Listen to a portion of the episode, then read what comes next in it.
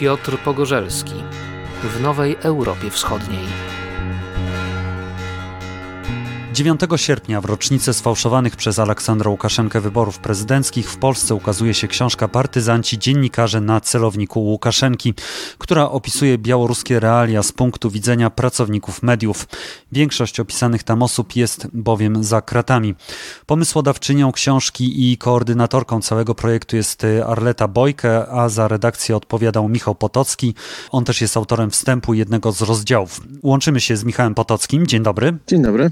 Książka zawiera 20 reportaży napisanych przez 29 dziennikarzy. Mi przypadł zaszczyt opisać Marynę Zołatawą, redaktor naczelną portalu Tutbaj. On został zamknięty w maju przez władze, a sama naczelna znalazła się w areszcie. Powiedz proszę, kto jeszcze został opisany i według jakiego klucza dobieraliście bohaterów? Książka składa się w sumie z 20 rozdziałów. E, jest 21 bohaterów, dlatego że jeden rozdział traktuje o dwóch osobach, o dwóch dziennikarkach. Uznaliśmy, że połączenie połączenie w jedną całość historii e, Kacjaryny Andrejewej i Darii Czulcowej, e, dziewczyn dziennikarek z Bielsatu, które zostały ukarane za to samo i na takie same wyroki będzie po prostu z punktu widzenia fabularnego e, trafniejsze. Dobieraliśmy z takiego klucza, żeby mieć możliwość jakby szerokiego opisania nie tylko dnia dzisiejszego, ale też kontekstu, kontekstu historycznego. Większość rozdziałów to są rzeczywiście opowieści o dziennikarzach, którzy obecnie są represjonowani, którzy siedzą w więzieniach, którzy są zatrzymani. Pokazujemy też nowe media, blogów, blogerów, e, takich jak Igara Łosika, E, pokazujemy administratorów kanałów na Telegramie, czyli pokazujemy też e, to, w którą stronę zmieniają się media, a poza tym z drugiej strony pokazujemy też kilka sylwetek dziennikarzy, którzy na pierwsze strony gazet trafiali dużo wcześniej, w związku z czym jest tam historia właśnie moja, e, opisana między innymi przeze mnie i Mariusza Kowalczyka, historia Józefa Sieredzicza, E, założyciela Narodnej Woli, jednej z najważniejszych gazet opozycyjnych jeszcze od lat 90. Sieredzic jest, nestorem białoruskiego dziennikarstwa. Zaczynał jeszcze w głębokich, głębokich czasach radzieckich. Jest historia Pawła Szaramieta, e, dziennikarza, który został zamordowany w Kijowie, natomiast e, no, zaczynał swoją karierę właśnie na Białorusi. Jest historia Pawła Marzejki, jednego z pierwszych dziennikarzy, którzy zostali ukarani w sprawie karnej za swoją działalność dziennikarską. W związku z czym staraliśmy się pójść szeroko, po to, żeby czytelnik y, nie miał wrażenia, że jest to książka taka bardzo bieżąca, która się za miesiąc, dwa czy pół roku może zdezaktualizować. Y, chcieliśmy opisać, opowiedzieć Białoruś przez pryzmat sylwetek y, dziennikarzy różnych pokoleń, różnych rodzajów mediów i różnych dekad tej niezależnej Białorusi. A jak wydanie tej książki może pomóc tym dziennikarzom? Bo tak jak mówiłem na początku, no większość z nich to są ludzie, którzy właściwie właściwie e, są teraz e, w aresztach, którzy nie są na wolności i wiemy, że przez ten rok się wiele, wiele zmieniło. Ta sytuacja na Białorusi mediów się znacznie pogorszyła. Teraz to coraz bardziej się zbliża do krajów takich jak Korea Północna pod względem standardów wolności słowa. Więc jak my, wydając tę książkę, to mówię jako też współautor, pomagamy tym ludziom, którzy są na Białorusi, czy też może bardziej tym, którzy musieli uciec z Białorusi? Pomagamy dwojako. Pierwsza pomoc, czy pierwszy rodzaj pomocy jest taki najbardziej bezpośredni, to znaczy e, wszyscy autorzy, e, redaktorzy, korekta pracowaliśmy za darmo po to, żeby zyski e, z tej książki, czy jak największa kwota, która pozostanie po pokryciu kosztów druku i tak dalej, poszła na pomoc dla białoruskich mediów niezależnych, e, będzie te środki rozdysponowywał, rozdysponowywało informacyjne biuro Białoruś w Fokusie, jedna z takich organizacji, która działa no już od ponad dekady e, właśnie na rzecz rozwoju białoruskich mediów. No to jest taki pierwszy punkt, taki najbardziej, najbardziej namacalny i najbardziej no, o, o natychmiastowym działaniu. E, można też dodać, że w zasadzie e, poza samymi, poza samą kwotą wpłaconą za książkę w księgarni internetowej czy, czy stacjonarnej, każdy może też dołączyć do zrzutki czy do zbiórki prowadzonej na pomagam.pl kośnik partyzanci i tam można gdyby ktoś miał taką ochotę, można wpłacić większą kwotę niż te 30 czy 40 zł, które będzie kosztowała książka w księgarniach. To jest taki pierwszy punkt. Natomiast drugim, drugim, drugim, drugim sensem tej pomocy, czy drugą płaszczyzną tej pomocy jest pomoc w nagłaśnianiu tego, co się dzieje na Białorusi.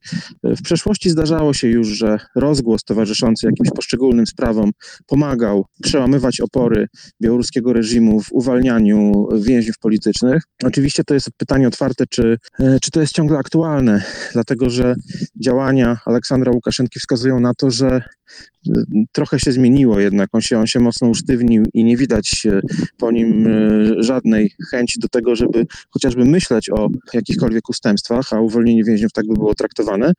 E, no ale z drugiej strony, jak się pytamy naszych kolegów, białoruskich dziennikarzy o to, jak moglibyśmy im pomóc, to duża część z nich mówi, mówcie o nas, piszcie o nas, e, pomagajcie Białorusi wciąż trafiać na strony waszych gazet, do, waszego, do waszych stacji radiowych i telewizyjnych, telewizyjnych, dlatego że rozgłos, rozgłos pomaga i z drugiej strony też sprawia, że e, sami Białorusini nie czują się zapomnieni, opuszczeni, przegrani. A z Twojego punktu widzenia, która z tych historii jest y, najbardziej taka poruszająca, która jest najbardziej wymowna z tych, które znalazły się w książce?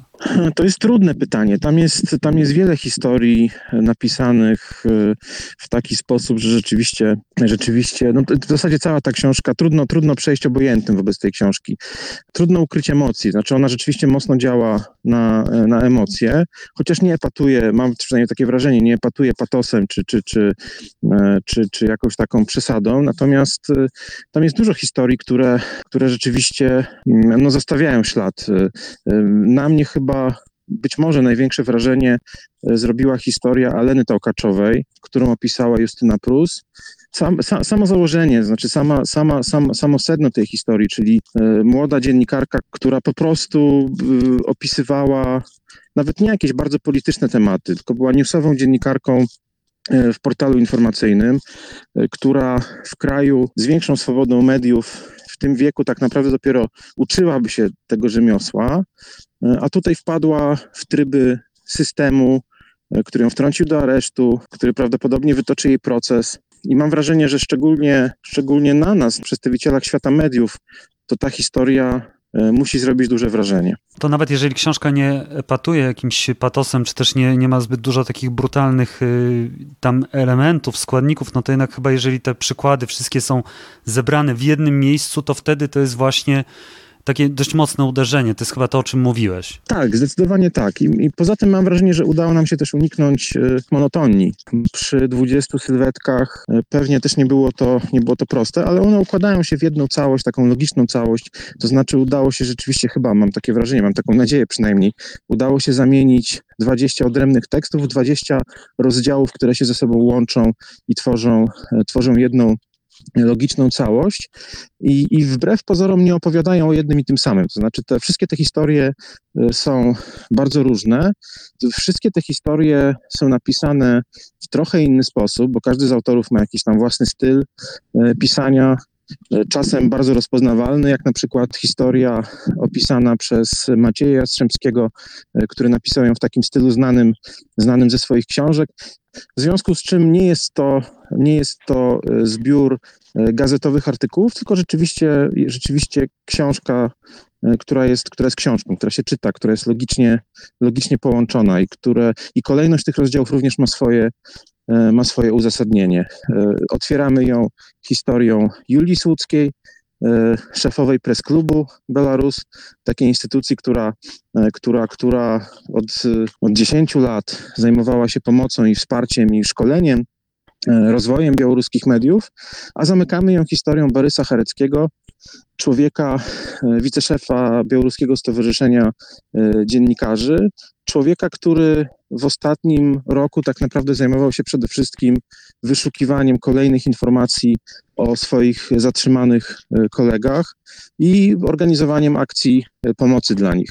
Dowiadywaniem się, gdzie siedzą, co się z nimi dzieje, jak się czują, czy mają dostęp do, do prawników, do adwokatów.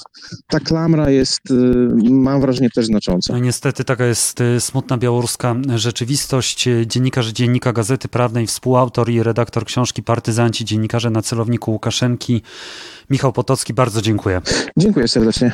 Do usłyszenia. A książka ukazała się nakładem wydawnictwa Adam Marszałek. Można ją kupić zarówno w księgarniach tych rzeczywistych, jak i w internecie, do czego bardzo zachęcam, bo dzięki temu można pomóc białoruskim dziennikarzom.